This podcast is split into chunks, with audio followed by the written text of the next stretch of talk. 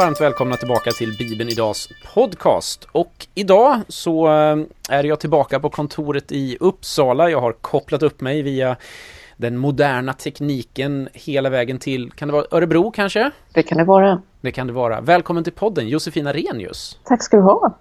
Vi har ju redan eh, nämnt här i några avsnitt sen att du skulle komma till podden, så nu äntligen blir det av här.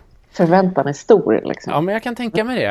Eh, det är ju faktiskt inte alltid som podcastgästerna är pålysta i förväg, för ibland blir det ganska spontant. Ja, men då så. Ja. Vi ska ha ett eh, samtal idag om eh, ledarskap. Exakt vad vi går in på där får vi väl se, men eh, sen vidare då in i frågor om bibel och ledarskap. Och eh, troligtvis också en del särskilt fokuserat på den yngre generationen eftersom jag vet att du jobbar med det. Yes. Eh, Men jag tänkte att vi ska börja där eh, jag ofta börjar de här poddarna och nu blir det lite r- extra roligt på något sätt för eh, en av anledningarna till att jag ringer upp just dig är ju att du har skrivit en bok som heter När, ja, led, Där du leder heter den va? När du leder, yes. När du leder, precis. Och eh, en av mina första frågor i poddarna brukar vara Ja, vem är du? Ja. Och, och eh, den som nu inte förstår det roliga är så att det heter alltså första delen av din bok. Gör den? Ja, det Ja. gör den. Första, ja, det gör den. Det är ju sant. Eh, Det är spännande. Eh, Så jag tänkte att du borde vara väldigt väl förberedd Mm. på på något sätt svara Okej. på den frågan. Fast det är jag som ställer frågan. Jag svarar ju aldrig på den i boken i och för sig. Ah, du har inte arbetat igenom frågorna? Aldrig. Du har... Aldrig. Nej, okej. Ehm, jodå. vem är? Det är din första fråga, alltså vem är jag? Ja, ja. Ja. Eh, jag heter Josefin Arrhenius. Eh, jag bor i Örebro. Jag jobbar tillsammans med fyra mycket kompetenta människor i ett konsultkollektiv som heter We Are Mountain. Där vi föreläser och processleder grupper när det kommer till ledarskap. Framförallt utifrån fokuset generationer och kulturer. Eh, jag jobbar också lite grann på en folkhögskola som heter Örebro folkhögskola eh, som gör mig lycklig i själen. Ehm, jag är gift med Johan som är pastor i vår kyrka sedan tre månader tillbaka. Och jag fnittrar fortfarande när jag säger det. Eh, och jag har två barn. Och är eh, enligt tidningen Dagen då ett av våra kända pastorspar. Det är jätteroligt. Ja, så är det. Man har kunnat, kunnat läsa här, ja. Mm. Ja. hur, Det är, lite, det? vi, har ju, ja, men det är ju jättemärkligt. Vi har ju ibland varit inbjudna på lite så pastorsträffar och sånt eftersom jag talar i lite sammanhang. Till exempel ska vi nu på en pastorsträff om tre veckor som vi också var inbjudna på förra året. Och då var vi inbjudna för att jag har talat i det sammanhanget. Eh, men nu inser jag att jag har kommit dit som pastorsfru i år. Så jag har ju någon slags identitetskris i, dessa, i detta då. Men ehm, det går bra. Så jag ställer frågan, vem är du mitt i en kris alltså? Ja, precis. Den plisserade kjolens kris kallar vi det. Eh, vad förväntas av en pastorsfru 2018? Mm. Eh, men den är, ganska, den är rolig. Ja, det är en rolig kris. Jag trivs i den. Ja, men vad bra, vad bra. Om eh, man då drar historiens eh, vingslag baklänges. Mm. Hur hamnade du där du är idag? Varför jobbar du med ledarskapsfrågor? Det, dels är det nog så att jag har haft förmånen, och jag inser ju äldre jag blir vilken förmån det är, att växa upp runt människor både närmast mig och i yttre cirklar som har eh, uppmuntrat mig väldigt mycket. I eh, vad jag kan och vad jag är bra på, också vad jag inte kan och vad jag inte är bra på. Det är därför jag aldrig sportar. Eh, men, men, men är så här, hej, jag ser att du skulle kunna göra det här, vill du ta tag i det? Allt ifrån elevrådet i högstadiet till eh, göra gudstjänster när jag var 16-17 sådär. Eh, och det har gjort att jag mer och mer har satt ord på vad det betyder när människor tror på en. Och lättaste sättet att jobba med de frågorna är ju att jobba med ledarskap. Att få ledare att förstå hur viktiga de är för dem de leder. Eh, sen fick jag tidigt, när jag var typ 23, fick jag en liten grej som heter Frizonfestivalen i mitt knä. Och där fick jag lära mig vad det är att leda andra människor genom att testa det helt enkelt. Jag hade 450 medarbetare eller någonting där mot slutet och vi eh, gjorde tillsammans ett otroligt bra jobb. Jag är väldigt stolt över det vi fick göra ihop. Eh, och jag insåg dels vad det är att leda andra men också vad som händer om man inte leder sig själv i det. Eh, och, och där fastnade jag i de samtalen och är kvar där fortfarande, 12 år senare. Så. Ja, det är intressant. Vi hade ju ett samtal med Magnus Sternegård här eh, för ett par poddar sedan. Han har också fått ställa en fråga till dig. Mm. Oho, vad spännande. Ja, eh, den kommer mot slutet här.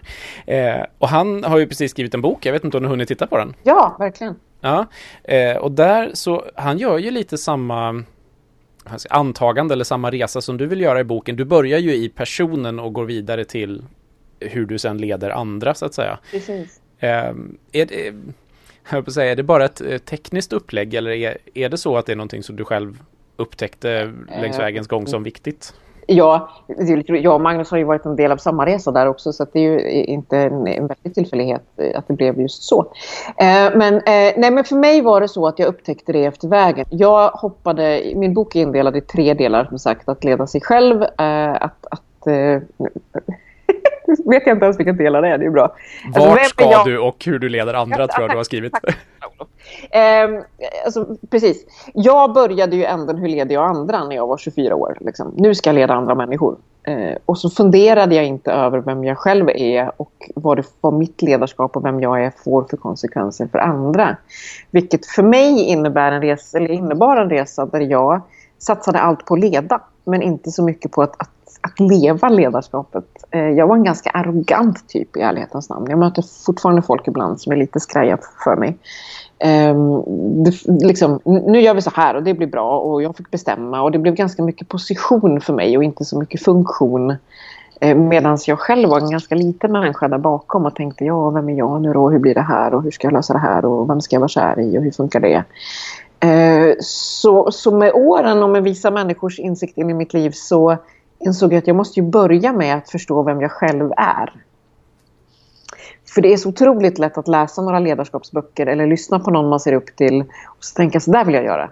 Eh, Men om jag inte förstår vilka mina gåvor är och vilka talanger jag har och vilka förutsättningar jag har för att leda, då försöker jag ju bara leda som någon annan och, och det blir inte bra. Eh, Jag måste leda utifrån mig själv, annars funkar det inte.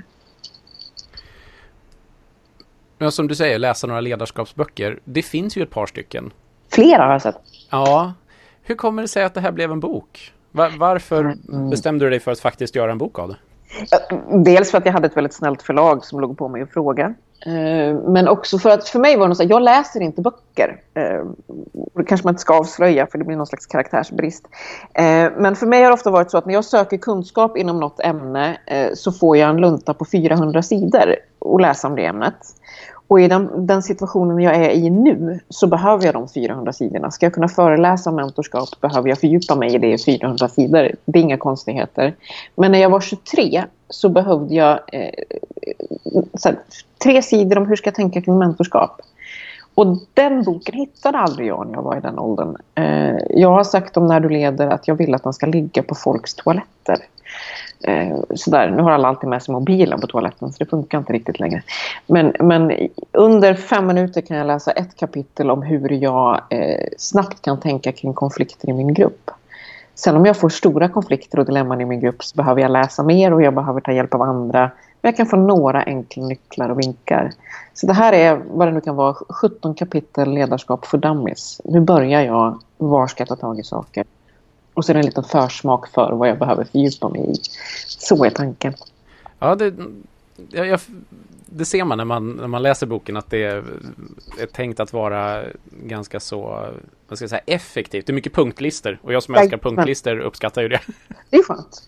Ehm, och jag har nog varit förvånad för jag har tänkt några sådär som har tagit tag i den och, och sagt den här ska jag läsa så har jag sagt nej men gör inte det. Den, du är liksom förbi den sedan många år. Men då inser jag att vi allihop oavsett om vi har lett länge eller kort vi behöver påminnas om de där punktlistorna ibland. Ja just det, har jag koll på det här? Har jag checkat av det här på länge? Så det kan nog funka. Du nämnde det att du ju kom in i ledarskapsfrågor delvis via festivalen Frizon eh, som ju är en ungdomsfestival eh, i, ja, utanför Örebro på Torpområdet för den som nu mot händ- händelsevis skulle ha missat det här. Det är 20-årsjubileum i år va? Japp, så är det. Var, var du med från första starten? Jag var med från första starten och serverade kaffe till våra internationella artister. Ah, så backstage alltså? Japp. Ja, jag vet inte om vi visste att det hette så då, men det var det vi gjorde. ja just det. Eh, är det den vägen du, vad ska jag säga, kom och intresserade dig också för frågor om, om alltså generationsfrågor och det här som du ju jobbar med idag en del? Eh, absolut. Eh, inte minst för att jag insåg någonstans mitt i att vi, eh, det skedde ett väldigt tydligt generationsskifte i, i svensk frikyrka när de här eh, generationen som var stor på 80 och 90-talet med hundratals ungdomar i varje kyrka, inte riktigt, men på många platser, eh, inte längre fanns. Och att vi som kyrka hade väldigt lite redskap för att hantera det skiftet. Vi har inte hängt med, vi har inte förstått att det har hänt. Och det där har fascinerat mig. Och där har frizon varit en väldigt tydlig eh, plats där detta har utspelat sig. Liksom. Tänker du redskap för att kyrkan ska hantera att det inte är lika många ungdomar eller för att nå nya ungdomar? Ja, men framförallt kanske för att nå nya ungdomar. Först tror jag att vi behöver göra en nulägesanalys. Jag möter ju rätt många människor i min ålder, jag är 40 och möter rätt många som pratar nostalgiskt då om, om hur det var och varför är det inte så längre och varför kommer inte tonåringarna när vi gör det här och så. Eh, men vi har inte ställt oss frågan vad, ja, varför, varför kommer de inte säger vi, men vi gör ingen djupare analys av, av, av orsakerna där. Det kanske är så att gospel nights med svettiga ostmackor och för stark saft inte funkar. Vad gör vi så, länge, så länge valet mellan gul och röd saft finns så... Precis, så är det tryggt för dig och mig. Ja. Det är skönt. Men, men det, där har vi någonstans... Eh, vi har inte uppdaterat oss om vad det är att vara 14 idag. Vi tror att vi vet det, men vi har ingen aning. Men hur jobbar du med de frågorna då? Alltså, för, för We Are Mountain eh, som ni har. Det är ganska nystartat. Det är jättenystartat. Vill, vill du bara berätta lite kort innan, innan vi går vidare därifrån? Vad, vad, du berättade i en snygg slogan vad ni är, men vad gör ni egentligen? Eh, vad gör vi egentligen? För det första så är det så här att vi alla fem har andra jobb också. Det ska man säga. Det var, folk har sagt när vi liksom gick ut med detta att hjälp vad ni satsar. Och det gör vi. Eh, men vi sitter ju också alla på alla tjänster. Det här är bara vårt sätt att få jobba tillsammans och få göra saker ihop som vi tror på. Ehm, vi, eh, Fredrik Venell som är en del av detta eh, och jag har pratat i 10-12 år om att vi måste starta något ihop. Vi måste få jobba tillsammans någon gång med, med någonting kul som rör unga människor och tro. Eh, och så har jag mött Ed Wiberg genom åren sedan 2010 som kommer från Ny Generation och nu från Frizon. och vi har sagt att det är ju väldigt, väldigt roligt att jobba tillsammans. Och så har vi på vägen plockat upp Rebecka Werner och Johan Arrhenius som jag också delar hushåll med här. Eh, och sagt att vi, vad kan vi göra ihop? Vi vill jobba tillsammans för det är så vansinnigt roligt. Eh, så nu har vi hittat liksom en liten nisch i detta där framförallt Fredriks kompetens på generationer och kulturer blev en, en liksom ett fundament för det vi gör eh, Eddes och min och Beckas eh, koll på ungdomskultur och koll på ledarskap och eh, Beckas enorma förmåga att få med sig människor som är ja, jag slutar aldrig beundra den. Eh, och så får vi liksom ihop en, en, en gryta här av bra kompetenser som kan få inspirera eh, långt ut i våra egna cirklar, hoppas vi. Ja, jag ser det, för att en del erbjudanden riktar sig absolut inte bara mot kyrkan, utan ni vill nå utanför. Ja, och det, alltså, i mitt företagande har ju jag i många år varit utanför kyrkan. Eh, om man har någon liten aning om vem jag är, vilket man ju oftast inte har. Men har man det så tänker man oftast kyrka. Eh, men jag har gjort ett gäng år i näringsliv och i eh, föreläsning och processammanhang gentemot kommuner och landsting och lite allt möjligt sådär. Så att för mig är det väldigt roligt att få kliva tillbaka ner i den världen också, för det är ett tag sedan jag var där nu. Men om man då eh, ska, nu ska ni ju inte avslöja alla era tips och tricks här såklart, men eh, den här podcasten, vi kommer ju snirkla oss vidare här mot, mot bibelfrågor. Typ. Så att vi, vi, vi, tar steget in i kyrkan nu tänkte jag. Mm. Eh, för att ta sikte på, på bibeln här. Eh, men vad är det då som, som det, här, det här stora skiftet som du talar om? Mm. Eh, kan du lägga ut texten lite grann där? Vad är det som egentligen har skett? Och, och vad, vad, betyder det för kyrkan när man ser på dagens ungdom så att säga? Ja, alltså det, det riktigt stora som skedde tror jag var att bubblan sprack. Um, om man ska försöka ta det här lite kortfattat och det är inte säkert min analys är helt korrekt. Men, men det vi ser när vi, jag har rest runt i ett antal hundra församlingar de senaste 15 åren sådär och min Eh, vän Fredrik har pluggat på massor om detta också. Det vi ser är ju att, att 40-talisterna som är en jättegeneration i kyrkan, eh, de är uppvuxna med den här, det vi kallar för syndakatalogen som lever kvar som något slags begrepp som ingen av oss riktigt vet vad det är. Jag har aldrig hittat den, men, men den finns. Eh, om vad man fick och inte fick. Man fick inte lyssna på Elvis eller Tommy Steele, man fick inte gå på bio, man fick eh, inte klippa håret. Allt det här. En Eh, punktlista? Ja, en punktlista. Du ser, du skulle, du, vi kanske ska införa den igen. Man vet inte. Eh, och så fick de barn, de här 40-talisterna. Det vill säga 60-70-talisterna.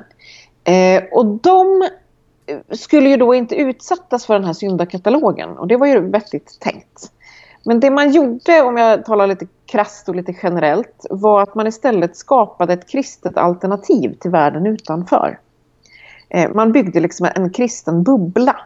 Och där inne så gjorde vi Skandinaviumgaler och åkte till Globen och, och, och lyssnade på Ingmar Olsson som sjöng Vi lever på en glob och kastade badbollar.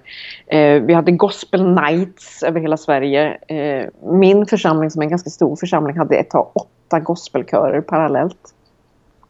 Vi var 130 i min kör, vi har körat bakom Céline Dion, jag är fortfarande tondöv. Eh, vi, vi hade stora idrottsturneringar med de tillåtna idrotterna, beachvolleyboll eller innebandy. Eh, vi åkte till Böda. Vi, alltså allt det här, vi, vi skapade en helt kristen värld.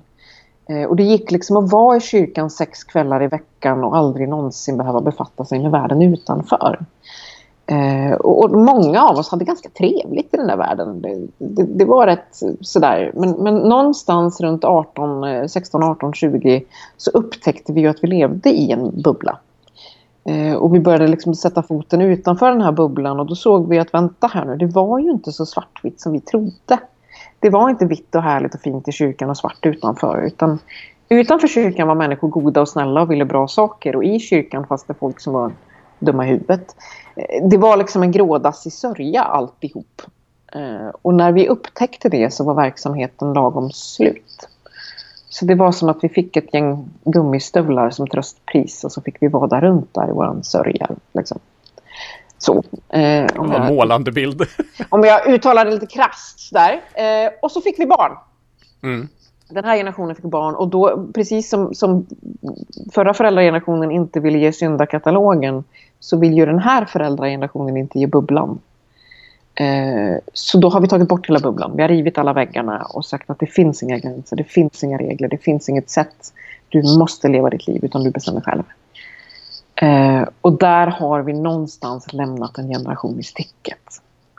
Vi slängde ut barnet med badvattnet. Eh, vi har sagt kom till kyrkan, var här, häng. Vi har skapat en hängkultur.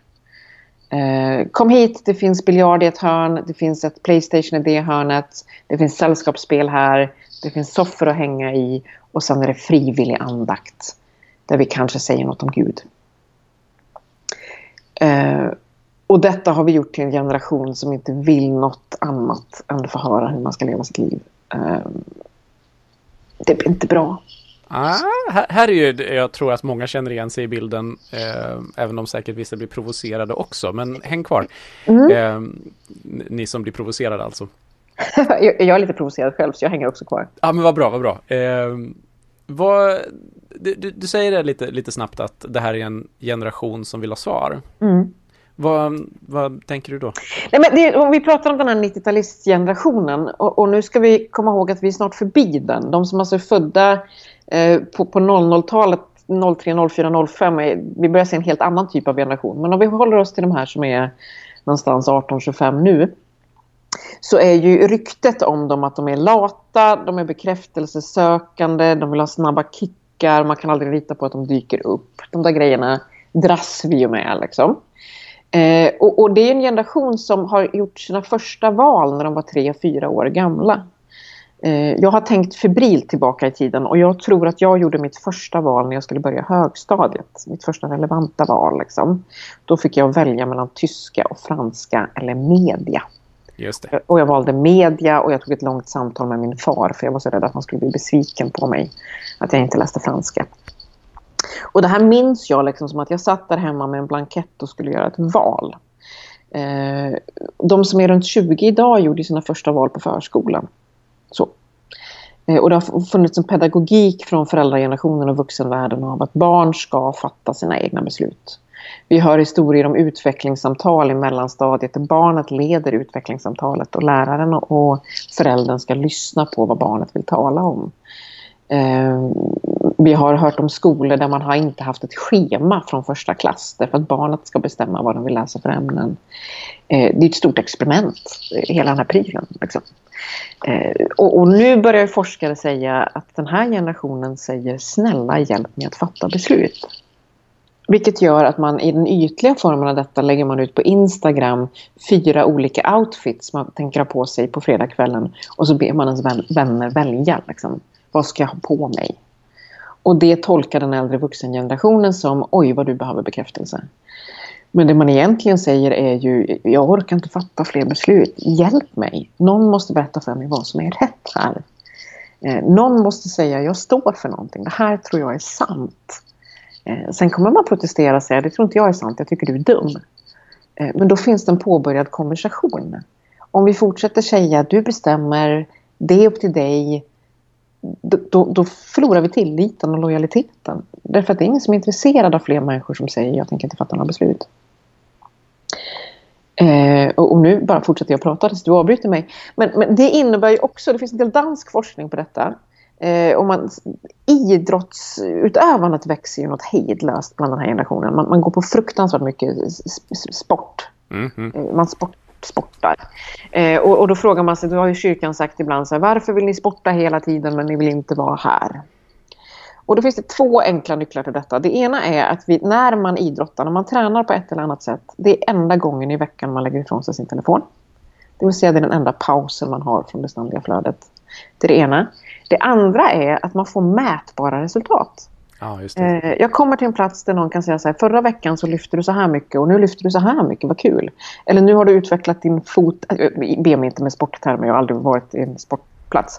Men alltså, det finns utvecklingsgrejer, i ditt hockeylag är du nu rankad så här. Det, finns, ja, det finns mätbara grejer. Eh, och det attraheras man av för att man vill utvecklas, man vill bygga varumärke, alla de här grejerna som vi kan ställa oss lite skeptiska till. Men kyrkas svar på detta är kom och häng. Det vill säga, du lägger inte ifrån dig din telefon. Eh, det fortsätter med hela det sociala spelet för du har hela tiden din telefon med dig. Och det finns inget mätbart. Du kan inte se om du utvecklas. Du kan inte se om du kommer någon vart. Du bara hänger på en plats. Eh, och den platsen gynnar bara den socialt starke som klarar av en sån miljö. Ja, det är ju intressant med, med tanke på den historia du själv beskriver du själv har haft. Eh, ja. Eh, i, I boken tar du ju upp det just med, med den som många kanske trodde var jättestark men som i den sociala miljön inte alltid kände sig så trygg. Hanterade det, nej precis. Ja, ja. Så du hade haft svårt att vara kvar i dagens kyrka? Ja men precis och det är det jag brukar prata med föräldrar om när jag möter dem och de blir lite provocerade. Så brukar jag säga att gå tillbaka till den 14-åriga versionen av dig själv. För många, många som är uppvuxna i den här aktivitetskyrkan är ju arga på att man behövde leka så mycket lekar och det var så mycket man skulle göra och det var så mycket verksamhet. Men, men om man istället tänker att den 14-åriga versionen av dig själv kommer in i ett sammanhang där man inte känner någon och säger så här, men det är bara, gör vad du vill. Där spelar de biljard, där är det lite tv-spel. Bara, gör vad du vill, du är fullt fri. Hade du klarat det? Eh, alltså hade du, om, om du inte redan var en i gänget, hade du gått och satt dig vid tv-spelet och bara, får jag vara med? Hade du gått till biljardbordet och bara, ja, ja, vad gör man här? Förmodligen inte. Nej, det är ganska få tror jag. Eh, det är jättefå, men som föräldrar så kräver vi det av våra kids. Vi kräver dessutom att de här 14-åriga kidsen som är inne i sitt sociala eh, spel av att liksom förstå hela sin värld. Så fort det kommer in en ny person genom dörren så ska de veta hur man ska ta in den människan. Men vi ger inga förutsättningar för att det ska lyckas. Och, och, och det provocerar mig något hejdlöst att vi låter detta fortgå. Um, dessutom så är de flesta ledarna uppvuxna i den här icke-valsgenerationen. Uh, så att när vi ber dem leda detta så, så har de inga verktyg för att göra det. Ja, det var ju en eh, Hej, inte så kyrkan. positiv. Ja men precis, då, då, då slutar vi här då så lägger vi ner verksamheten. Nej men okej, okay. Eh, jag, jag, är ju ganska med på den här bilden. Eh, självklart finns det undantag och man kan eh, prata om det. Men, men jag möter ju också en del ungdomar och, och har fascinerats över just den här jag tillhör generationen där det fanns någonting som kategoriserades som kristet även om vi inte hade syndakatalog. Mm. Eh, det fanns framförallt värderingar då, kanske inte så mycket handlingar i, i min uppväxt. Eh, och jag hade ett samtal med ett gäng ungdomar, jag tror att jag berättat om det förr i podden till och med, där jag frågade, men vad är skillnaden då på att vara kristen och inte kristen? Yes. Och de var, de var 14 då. Eh, och det här var några år sedan. Och de hade ju egentligen ingenting, inget svar. Nej. Det, det fanns ingenting. Ja, det, vi har ju någon som finns där. Om jag blir ledsen så är det ju alltid någon med mig. Mm. Eh, det, det kunde man komma till. Men, men i övrigt fanns det ingen skillnad alls egentligen. Nej, jag brukar höra varianter på, på temat eh, man ska försöka vara en god människa. Ska man inte det ändå? Jo, det brukar vara min motfråga och, och då blir det lite tyst. Ja. Mm. Men okej. Okay. Eh, nu pratar vi ju ledarskap här. Vi kanske inte ska lösa ungdomarna. Men, men hur hjälper vi då ledarna? Va, vad gör vi som, som kyrka? Vad vill du göra? Va, vad tar du? Nu har du ju, älskar du ju punktlistor och korta sammanfattningar här, så det är väl ja. rätt eh, variant. Men vad, vad, är de första stegen? Vad ska vi tänka på? Um, den första steget, tänker jag, och som du kommer tycka om mig för att jag säger, är att vi måste återerövra vårt bibelläsande. Alltså vi har ju ingenting som har auktoritet i våra liv. Och och det, är inte, det är inte gott att leda andra människor om inget leder mig. Eh, och i, i, vårt kristna sammanhang så har vi en bibel. Eh, let's read it. Så. Eh, och där behöver vi hitta verktyg och knep och sätt för att få unga människor och barn i vårt församlingssammanhang att börja grotta ner sig i Bibeln igen. Faktum är att vi vuxna behöver det också. Eh, det ena. Eh, det andra är att vi måste börja rusta ledare eh, och ge ledare verktyg. Eh, för, för det, jag har, svårt för scoutrörelsen generellt, eh, för de är utomhus. Och så. Jag skulle säga det, det är därför va?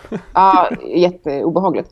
Eh, men, men, men det scoutrörelsen har gjort och gör är ju att från det att du är sju år, eller när du nu börjar i scouterna, så lär du dig hur en grupp fungerar och du knyter några knopar och du, du grejar med saker och du lär dig vad du nu gör. Eh, så när du är 15 eller 16 och tröttnar på att vara med i scouterna eh, och då frågar någon så här, vill du vara ledare i scouterna? Och då svarar scouten förstås alltid redo. Det är klart jag är. Jag vet hur grupper funkar, jag vet hur man leder här, jag vet hur man gör grejer. Let's mm. do it, nu kör vi.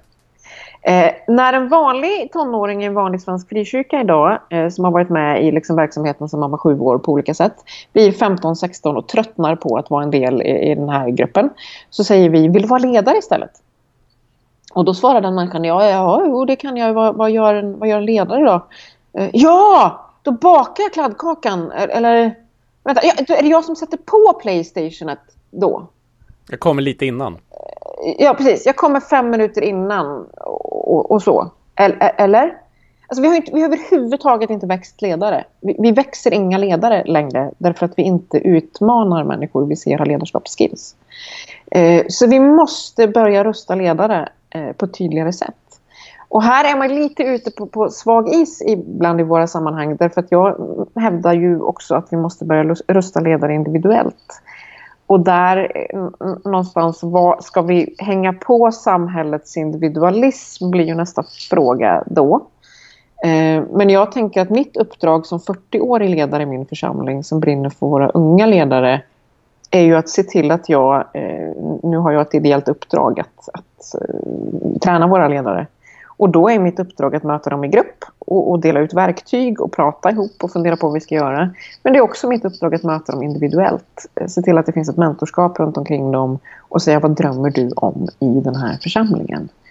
För så länge vi bara liksom buntar ihop ett gäng ledare och gör en terminsplanering så kommer det inte hända så mycket.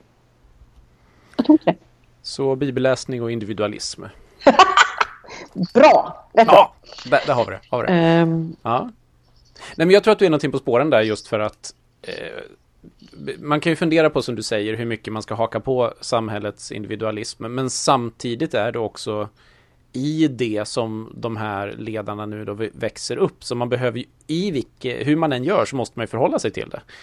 Och om hela gruppen inte är på samma ställe med samma kunskap och samma gåvor och så vidare så kanske det finns någonting i den där individualismen som är bra att ta till sig. Ja men precis, jag, kan ta ett konkret exempel eh, som jag har frågat om jag får ta eh, och, det är Olivia i min församling. Olivia är en klockren ungdomsledare, jag vet inte vad hon är, mellan 20 och 25 någonstans. Eh, och hon har varit ungdomsledare hos oss länge. Eh, och hon har ofta känt så att jag passar inte in, jag får inte funka, jag är inte ledare egentligen. Jag, det här fungerar inte för mig, jag är inte som de andra och, och sådär. Och så började vi prata om det här jag och Olivia och vi, vi pratade ihop oss i gruppen och vi, vi gjorde lite personlighetstester och vi höll på med lite allt möjligt. Och till slut så inser Olivia att hon är en person som är väldigt duktig på att organisera. Hon är duktig på detaljer, hon är duktig på ekonomi, hon är duktig på att se strukturer. Men i våran ledargrupp så premieras ju ledarskap där man är duktig på att hänga, där man är god och skön och mysig, yeah. där man liksom kramar om folk, där man får en gussig social stämning. Det är den typ av ledarskap som vi premierar. Eh, och det gäller inte bara min kyrka utan de flesta kyrkor. Och då har Olivia tänkt så här, jag är inte ledare. För jag är inte den där gossiga typen som går runt och, och myser. Men när vi börjar sätta Olivia i rätt funktion, så här, hjälp oss att organisera upp vår ungdomsverksamhet, hjälp oss att planera, hjälp oss att tänka längre fram, så börjar hon blomma. Hon växer decimetrar, det är ljuvligt att se henne i funktion. Och vår ungdomsverksamhet blir väldigt mycket bättre, för plötsligt finns det en struktur på saker och ting. Alla vinner. Mm, mm. Mm. Men eh, då hoppar vi tillbaka till den där punkt ett du hade där då. Mm. Ehm, det känns som vi skulle kunna ha fyra samtal till här och bara dra i alla trådar. Men vi ska försöka hålla oss till det vi har lovat att vi ska prata om lite grann i alla fall. Okay eh, och det var det här med bibelläsningen då. För det finns två spår där jag skulle vilja lyssna lite mer på vad du tänker. Det, det ena spåret var ledarens egen bibelläsning. Precis som i din bok så börjar du i jaget så att säga, eller den mm. enskilde. Ehm, om vi börjar med det spåret. Mm. Eh, vi ser ju som, som jobbar specifikt med bibelläsning att bibelläsning är ju någonting som eh, om man tittar över ett liv så går det upp under tonåren och så kraschlandar det under när man är 20-30 och så mm -hmm. i mhm. bästa fall om man är kvar inom, eh, inom på något sätt så, så går det upp igen efter då barnen har försvunnit ut. Det är liksom kurvan som tycks yeah. finnas där. Um, och när vi pratar unga ledare, då är det ju Ja, det, det är ju under form, formerande åren så kanske de är intresserade av att läsa men sen tappar de lite grann. Men hur ser du då på, på bibelläsandet för den enskilde ledaren? Eh, vad, vad, du, du säger att det behövs för att vi behöver auktoriteter i vårt liv så att säga. Men Berätta lite mer, bara utveckla lite grann vad du tänker om Precis. bibelläsning för den enskilde till att börja med. Ja, och för det första så ska jag säga att här, här kastar jag lite sten i glashus. För det här är en av de punkterna som jag jobbar mest med, både jag har jobbat med och jobbar med. Därför att jag är fruktansvärt dålig på att sätta mig med en bok. Eh, så jag Eh, Eh, jag letar alltid knep själv eh, och, och, det vill jag ha sagt i detta sammanhanget för det här är inte min bästa grej själv. Eh, och, och, för mig handlar det nog om att jag tänker att vi behöver hitta, eh, precis som med träning eller annat i livet, behöver vi hitta en, en rytm som fungerar för oss. När på dagen läser jag min bibel? Eh, på vilket sätt gör jag det? Eh, behöver jag en app? Gör jag det i datorn? Gör jag det i den faktiska boken? Vilket jag tror är en bra grej. Eh, gör jag det ett, en bestämd tid på dygnet? Eh, gör jag det efter en bibelläsningsplan eller, eller läser jag randomiserat? Eh, jag tror att vi behöver se över de rutinerna emellanåt och, och, och att vi behöver ett, ett, eh, ett coachande från varandra i det kan vi vara en, en grupp vänner som bestämmer oss för att nu läser vi efter samma bibelläsningsplan och så hörs vi ibland i en Facebookgrupp eller vad vi nu har. Eh, och, och, vi behöver lyfta upp statusen för det i våra liv. Eh, men det där jobbar jag själv med hela tiden. Så led som, vad är det?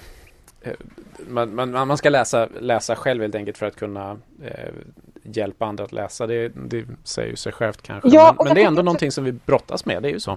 Visst är det så. Jag tänker också att vi, för det som händer, tänker jag, är att vi eh, när vi till slut inte kan bibeltexterna, men vi säger oss vara kristna, eller vi är kristna, vi, vi ber. Jag tror ofta att vi har lättare för att ha koll på vårt böneliv än vårt bibelläsande.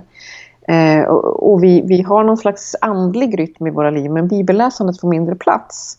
Då när vi kommer till de här svåra frågorna som, som vi pratar om, hur tycker vi här och vad står kyrkan i det här? Vi har så otroligt lite på fötterna eh, från Guds ord i det. Så då säger vi, ja men samhället begär ju det här av oss nu. Eller så här tänker vi ju samhällsmässigt. Det känns inte bra att vi tänker något annat. Och då är vi utlämnade till våra känslor. Vad, vad känns bra? Eh, och så, så, leder vi våra församlingar utifrån hur det ska kännas.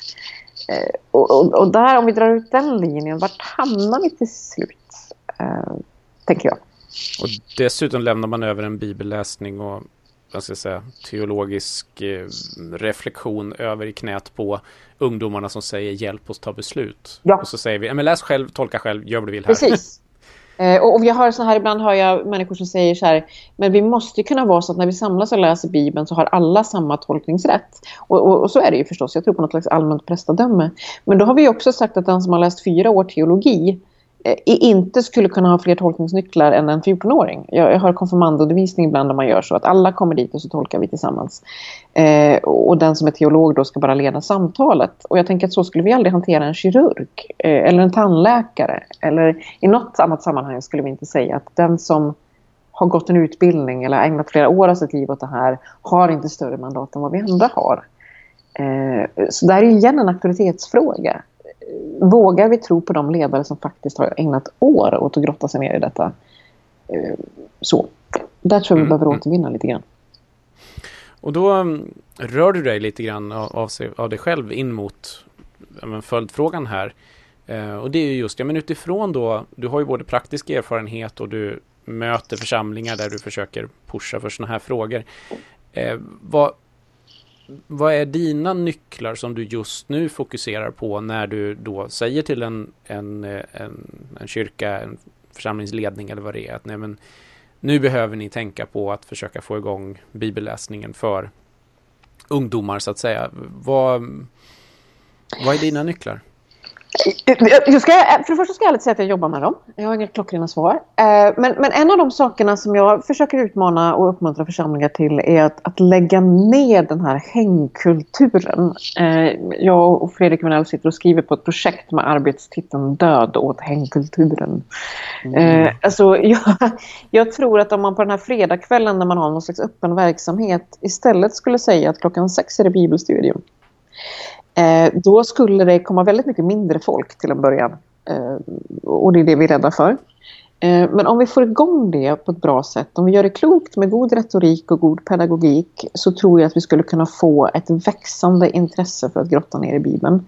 Och där har ju mm, ja, men, organisationer som era bra verktyg för det. Eh, att säga att klockan sex är det bibelstudium, efter det är det fika, men klockan sex förväntar vi oss att ni är här. Eh, sluta med den här eländesfrivilligheten. Eh, sen är allting frivilligt vi gör i kyrkan. Men prata inte om det som att det är liksom eh, om ni vill så kan ni få komma hit och läsa Bibeln men ni måste spela biljard. För det är lite så vi har presenterat det på sistone. Att, att det är biljard och det är eh, tv-spel och sen är det frivillig andakt. Och min motfråga är alltid vad är inte frivilligt då? Eh, alltså, ta upp statusen på, på bibelstudium och på tillbedjan. Eh, för det är vårt existensberättigande. Eh, annars kan man gå någon annanstans. Det finns fritidsgårdar. Eh, lyft den, den statusen. Gör Facebookgrupper, nu är Facebook jättedumt för våra tonåringar, men hitta andra forum där ni faktiskt peppar och pushar varandra. Eh, hitta äldre människor i församlingen och det här har annat gott med sig också. Hitta, om du har en mindre församling, säg att ni har 8-10 tonåringar i församlingen. Då hittar du 8-10 pensionärer som blir mentorer till de här tonåringarna och får berätta för dem om hur de läser sin bibel. Eh, som dagligen får be för de här människorna. Och där det uppstår möten, för det, det mår hela församlingen bra Vi behöver de generationsmötena. Eh, vi måste börja prata om att vi faktiskt läser Bibeln där jag rör mig så nämns knappt det. Um, Nej. Hur går det med din bibelläsning? En fråga vi inte ställer så ofta. Nej, precis. Och vi är också lite rädda för svaret. Ja. Um, och jag är rädd för att få frågan. Uh, och, och, jag tänker också att i det, vi pratade, jag pratade en del med vår väldigt kloka ungdomspastor om detta häromdagen. Uh, och han sa att jag, för bara tio år sedan när man sa så här säger Bibeln, så blev liksom, om man inte höll med då så blev man upprörd och sa att Bibeln är dålig och dum, jag håller inte med, det här är, usch jag kan inte leva så här. Men idag säger tonåringarna inte ens det utan man säger jaha och så går man vidare med sitt liv. Därför att jag, jag behöver inte längre förhålla mig till Bibeln. Nej, precis. Och där har vi en jättenyckel. Vad, vad lär jag? Jag har små barn hemma. Hur talar vi om Bibeln? Um, därför att om, om jag tror att jag, någonstans har jag lagt hela mitt liv, hela grunden för mitt liv har jag lagt i Jesu händer. Vill jag lära mig någonting om Jesus så behöver jag läsa Bibeln. Men om Bibeln inte har någon talan i mitt liv, då kan man ju undra vad jag håller på med. Att här såg jag ett jättetydligt generationsskifte, precis det du beskriver. Eh, jag var ju ungdomsledare då eh, på tidigt 2000-tal och eh, man kunde säga saker som så här säger Bibeln eller det här står i Bibeln och man fick reaktioner nej, det där vill jag inte vara med på eller spännande eller sådär. Och sen hade jag den här ungdomsgruppen som vi då jag refererade till tidigare.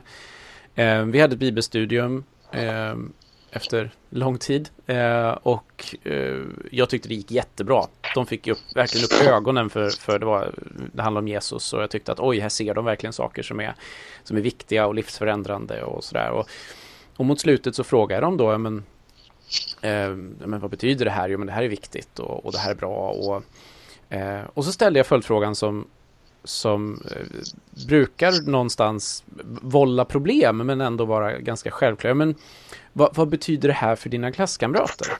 Eller vad skulle det här kunna betyda för dina klasskamrater? Och det självklara svaret från hela gruppen var ja, ingenting. För de ja. har sin sanning. Precis. Och, och, och, det där tog mig jag, jag blev väldigt förvånad för att ja. jag tyckte att de har verkligen kommit fram till att det här är sant, det här är viktigt. Men det var ju för dem. Ja.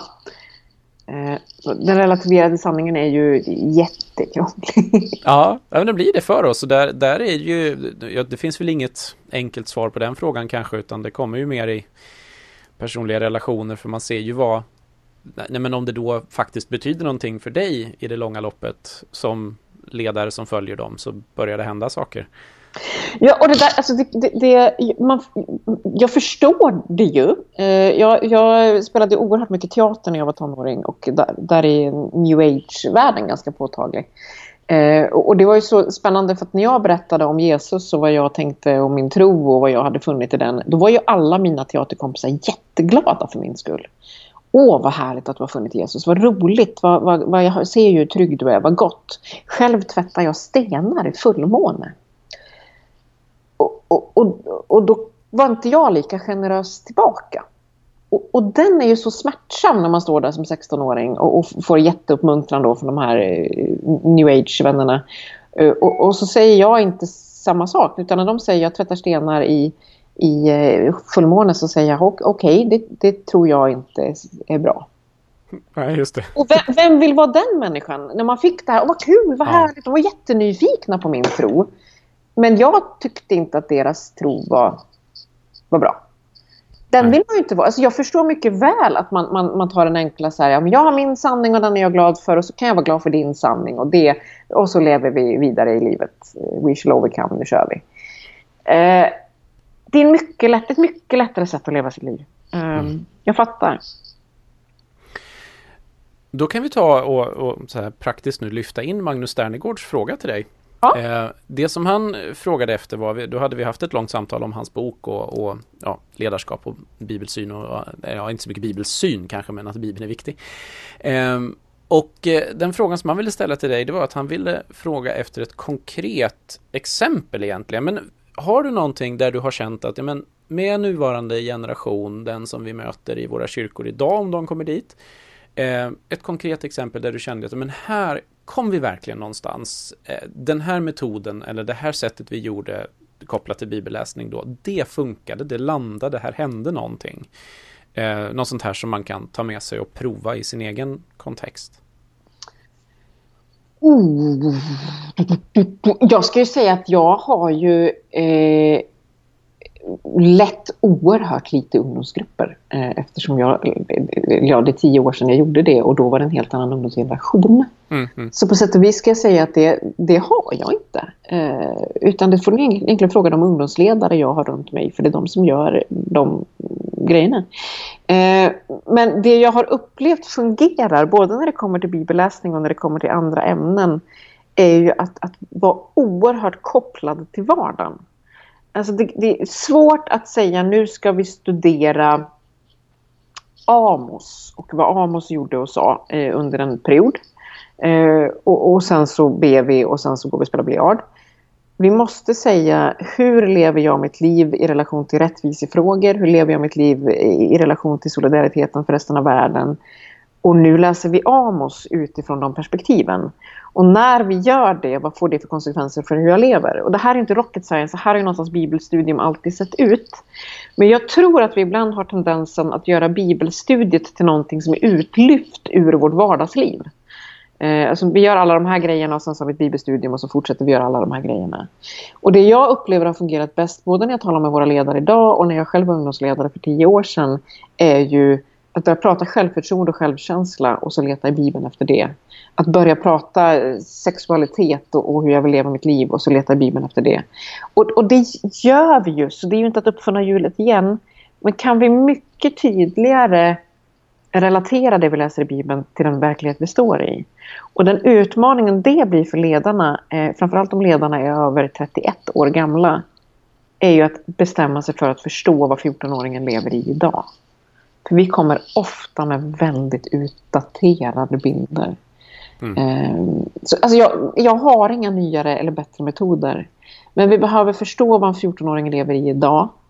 Eh, och vi behöver koppla all bibelläsning vi gör direkt till det livet.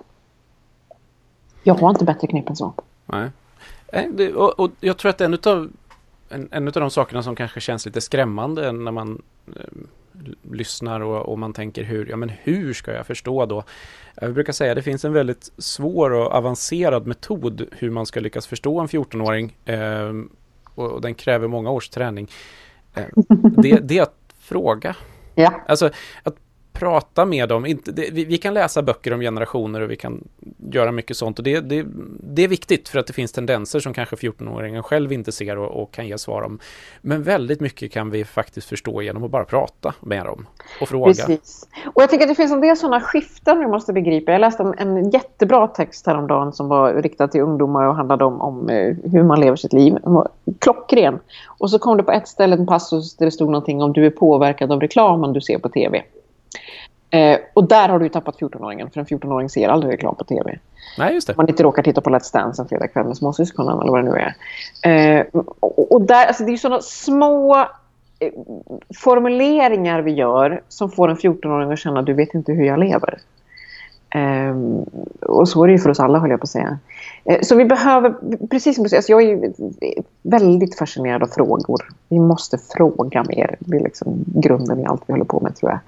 Uh, och jag tror att det är lätt för oss som är lite äldre att vi kommer in och vill berätta. Mm, mm, vi vill hemskt gärna berätta hur det är. Men tänk om vi skulle börja med att fråga. Uh, jag tror att du är väldigt rätt ute där. Um, vad är det ni faktiskt behöver få koll på här? Um, vad är det ni undrar över? Hur ser livet ut? Vad är det du tycker är självklart redan? Um, ja, det finns så mycket i det. Det finns en, en eh, stor undersökning i, gjort i England där man har frågat, jag tror att det är typ 2000 församlingar och deras ungdomsarbete. Bland annat då vad tror ni som ledare i församlingen är frågor som ungdomar vill, vill eh, att man tar upp i ungdomsarbetet och så har man frågat mm. ungdomarna själva och ibland, ibland träffar de, ibland missar de radikalt. Yeah. Och en, en av de den absoluta toppfrågan från ungdomarna, nu tänker jag inte sätta dig på pottkanten och fråga om du vill gissa vad det är. För att jag gör det. Hittills har jag aldrig hört någon som har lyckats gissa rätt nämligen. Vad intressant. Ja, det, det, är väldigt intressant för att den första gissningen jag brukar få från ungdomsledare då, eh, som är lite självsäkra, är att ja, men det är ju sex och relationer. Ja, homosexualitetsfrågan brukar ju vara. Ja, precis. Nej, den ligger inte i topp alls. Eh, relationer och, och, sex, det kommer på vad var det, topp 5 eller topp 6 eller någonting. Mm. Men den överlägset eh, mest intressanta frågan som då tyvärr också kyrkan hade väldigt långt ner på vad de gissade. Eh, är, är frågan om psykisk ohälsa. Just det. Åh, vad intressant. Eh, det, det, här är någonting som vi måste prata om i kyrkan och som, som vi tror att kyrkan kan ha svar på men som kyrkan inte pratar om. Intressant. Mycket intressant. Eh, och, det, och, det, tror jag säkert att man skulle kunna nå om man börjar prata med dem och förstå vad, vad är det ni brottas med, vad är det ni, ni mm. har som är liksom, mm. tufft eller sådär. Mm. Och, det där, och det där, för det pratade jag med, med lite föräldrar om eh, bara för några veckor sedan. Eh, som satt vi hamnade på något kyrkkaffe efter att jag hade besökt någon församling någonstans. Och där de sa att vi har alla eh, tjejer mellan 18 och 20 år som brottas med psykisk ohälsa. Eh, det är liksom standard. Eh, mm, mm. Och, och, var finns kyrkan i det? Och då är vi ju tillbaka i en av mina såna gamla käpphästar. Att eftersom våra ungdomsledare och ungdomspastorer ofta är 22 själva. Mm. Så det finns liksom inte där. Det är inte riktigt möjligt för en 20-22-åring att ta tag i en 16-årings självskadebeteende eller vad det nu är. Och där behöver vi som äldre församlingsmedlemmar steppa upp. Eh, min upplevelse är att vi har svikit våra ungdomsledare ganska ofta. Dels för att vi har något projekt av att vi själva fortfarande är unga. Jag har 45-åringar som säger ja vi är unga i församlingen. Eh, och, det är så löjligt så jag vet inte till mig. Eh, jag har inte varit ung på snart 15 år. Och om vi ska släppa fram de som på riktigt är unga så måste vi börja prata om oss själva som de medelålders människor vi snart är. Eh, men också för att vi sitter med en massa kompetenser. Flera av oss har ju, i en vanlig församling finns det ofta kuratorer, socionomer och människor som på olika sätt kan och förstår vad unga människor står i rent professionellt. Men när man kommer till kyrkan så tänker man att Nej, men nu lägger jag av mig det eh, vid dörren. Och så lämnar vi våra 20-åriga ungdomsledare med de frågorna. Vi får inte göra så. Det är mm. kardinalfel. Eh, för det gör ju att vi inte heller ger en plats till den som, som, som brottas med sin psykiska ohälsa i församlingens mitt. Liksom. Vi kan inte göra det. Ehm, och en annan intressant sak, när du är inne på de här studierna, jag vet inte vad den här engelska studien som du tittade på eh, säger, men jag, både en amerikansk studie och en dansk studie eh, som jag har läst som pratar om vilken, vem vänder du dig till när du har svårt, när du har det svårt, liksom. vem går du till? Eh, och för de allra, allra flesta så handlar det om jämnåriga. Mm. Vilket innebär att när man är 11 år och första gången möter porr till exempel. Så vänder du dig till en annan 11-åring. Eh, ja, och, och, vad blir det av det? Liksom? Bara där kan vi dra ut den linjen och se vad du har framför dig. Liksom. Eh, men, men också när du brottas med allt ifrån att du är olyckligt kär till vad som händer i kroppen till vem Gud är. Eh, som om 13-14-åringar leder 13-14-åringar där, då blir det ju svårt med allt möjligt. Eh, den andra personen du vänder dig till, liksom, eller det, det, kan vara idrottsledare och, och, så här, men ganska snart på listan, långt före föräldrarna, kommer mormor, farmor eller farfar, morfar. Mm, mm. Eh, för att man hellre vänder sig till den generationen, för den lyssnar och ställer frågor medan föräldrarna ska åka till skolan och läxa upp läraren, liksom, eller vad det nu är. Eh, vilket blir en helt, ett helt annat samtal i sig. Men om, om jag har misslyckats på matteprovet och kommer till morfar, då säger han, ah, men du, då pluggar vi lite matte, ska vi göra ihop? Liksom. Medan pappa ska ringa till skolan och det här är inte ditt fel, det är skolans fel. Och så. Eh, men om vi då tittar på, på en, en, en, vanlig församling på, på landsbygden i Sverige, vad är det man har? Jo, man har farmor och farfar och mormor och morfar där. Vi har en äldre generation som troget har stått i församlingen i många, många år. Varför parar vi inte ihop våra tonåringar med en äldre generation? Mm, mm. Eh, och jag vet ju som småbarnsförälder att är det någonting man är beroende av så är det den generationens omsorg om ens barn. Mm. Eh, jag har förmånen att få dela församling med mina egna föräldrar vilket är ju en jättelätt sak i min värld. Men jag har ju vänner som inte har den generationen närvarande alls. Låt oss se den möjligheten och göra någonting med den. Ja, vi har ju en i, i eh, där jag bor som, som eh, är har, har insett sin roll och är, är någon slags extra skolmorfar. Underbart! Ja, och, och det där tror jag vi skulle kunna hitta många, många fler som, som ja, men älskar barn och, och verkligen skulle kunna göra en jättegod eh, insats både i församlingen men också ute i samhället, alltså som en resurs. Det, mm.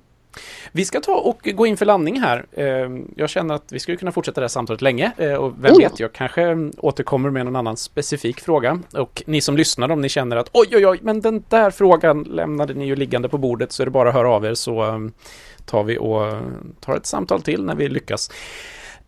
Men du ska få ställa en fråga till en kommande gäst. Oh. Och eh, det är så här att eh, på önskan så har vi fått frågan. Vi, vi har ju haft här i podden tidigare eh, att, man har kun, att vi har tagit tag i teologiska begrepp. Och så har vi sett dem som resväskor som man måste packa upp för att förstå vad finns egentligen i det här begreppet. Vad betyder det egentligen och, ja, och sådär för att kunna använda det i vårt, vårt liv. Och eh, en av de teologiska resväskor vi inte har packat upp än eh, Mm. är resväskan synd. Mm. Så vi ska ha... Ja, precis. Så du får, får fundera på. Vi kommer ha Ray Baker tillbaka i podden som är teolog och som ju har bland annat jobbat med, med frågan om eh, livet efter detta. Himmel och helvete och alltihopa. Så vi tänkte att vi tar in honom. Han ska få reda lite grann vad, vad egentligen säger Bibeln om synd. Vad eh, är sånt som vi kanske har lagt på ifrån samhället och eh, lite grann vad ska vi göra av det i, i våra liv och sådär. Mm. Vad ska vi göra med synden i våra liv? Det är du.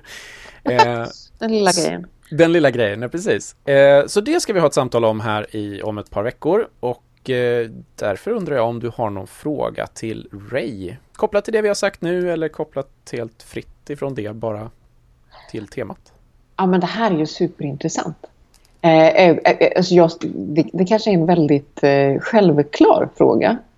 Eh, men jag skulle vilja... Någonting jag brottas med i relation till de ledare jag möter är hur återerövrar vi begreppet synd så att vi kan tala om det på ett klokt och konstruktivt sätt? Mm. Eh, skulle vara min fråga. Eh, Jag, jag, eh, jag tänker på Så som i himlen och eh, repliken Gud kan inte förlåta för det finns ingen synd. Där lever Nej. vi ju som svenskar. Hur återerövrar vi det utan att hamna i någon slags domedagshistoria? Det Pendeln behöver gå tillbaka lite grann mot syndakatalogen kanske. Ja, ja men inte precis. Hur vågar vägen. vi tala om synd utan att människor ska uteslutas eller känna sig dömda?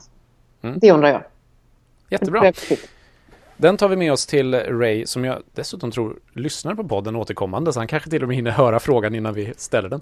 Han är lite bättre poddlyssnare än mig helt enkelt. Ja, ah, men du vet han är ordförande för, för Bibeln idag så han måste ju titta på vad vi gör. Ah, han är din chef. Ja, faktiskt. Ah. Ja, så han kommer ibland och säger du... eh, Ja. ehm, Mm. Men eh, tack så jättemycket för, för att du tog dig tid att vara med här. Tack för att jag fick. Det var väldigt Det här- snällt. Det har varit ett väldigt eh, trevligt samtal med otroligt många tankar och eh, jag tror att vi är många som Både jag som har haft samtalet och många med mig som då lyssnar som eh, har fått sig ett och annat att fundera på i sitt sammanhang. Om man då... Ja, vad tänkte du? Låt oss hoppas det, så jag bara. Det är ju Ja. roligare så. Ja, precis. Eh, Men inte bara talar i tomma intet. Men om man då vill ha tag på dig, man tänker att jo men det där skulle vi ju vilja ha ett litet seminarium om eller en workshop om eller sådär. Vad eh, hittar man er då? Dig, er? Eh, Ja, precis. Vi är ju många nu för tiden. Eh, wearemountain.se www.wearemountain.se Eller Josefin at wearemountain.se We are mountain. Varför We are mountain? Ja, det här får du fråga mina yngre kollegor om egentligen. Eh, vi upptäckte faktiskt en ganska rolig grej när vi väl hade bestämt oss och det är att våra efternamn ryms i det där namnet. Men det, var, det upptäckte vi först senare. Vårt mål är ju att hjälpa människor, organisationer och ledare att få lite överblick. Eh, det är lätt att stå Ah. mitt i det man gör och så säger man att vi, vi står i det här och vi släcker bränder och vi löser det här för nu. Eh, vårt mål och vår vision är att få ta med dig som ledare upp på berget och så blicka ner för vad, vad är det du behöver göra? Vad är det du ser? Vilka talanger missar du hos dem du jobbar tillsammans med? Vad är det för gåvor du inte har sett i andra? Eh, nu sätter vi oss här på berget en stund och så kikar vi ut på detta och så går vi ner igen och så kavlar vi upp ärmarna och så kör vi. Eh, det är målet. Och om man vill ha lite punktlistor om ledarskap så Mhm. hittar man din bok var då? Den hittar du var helst. Antingen hör du av dig till mig och så skickar den eller så köper du den på Adlibris eller din kristna bokhandel om du har en sån i närheten av dig eller Akademibokhandeln eller var helst du trivs med att köpa böcker. Då så. Led när du leder, heter det. Ja, det är ett också. ord för mycket där. Tycker du? Ja, det tycker jag. Jaså? När du leder. Rakt av. Varför, varför vill jag kalla den för led när du leder? Jag vet inte, du kanske Nej, jag vet inte. det. Eh, Men det är, det är inte jag som har kläckt den titeln heller så det, det är inte så. Nej. Sök på Josefin Arrhenius så hittar ni boken. Helt enkelt. Men stort tack för att du har varit med här och gett oss en timme av din eh, kunskap och stort tack du som har lyssnat och hängt med oss hela vägen här till slutet. Så eh, hörs vi igen om ett tag. Ha det bra!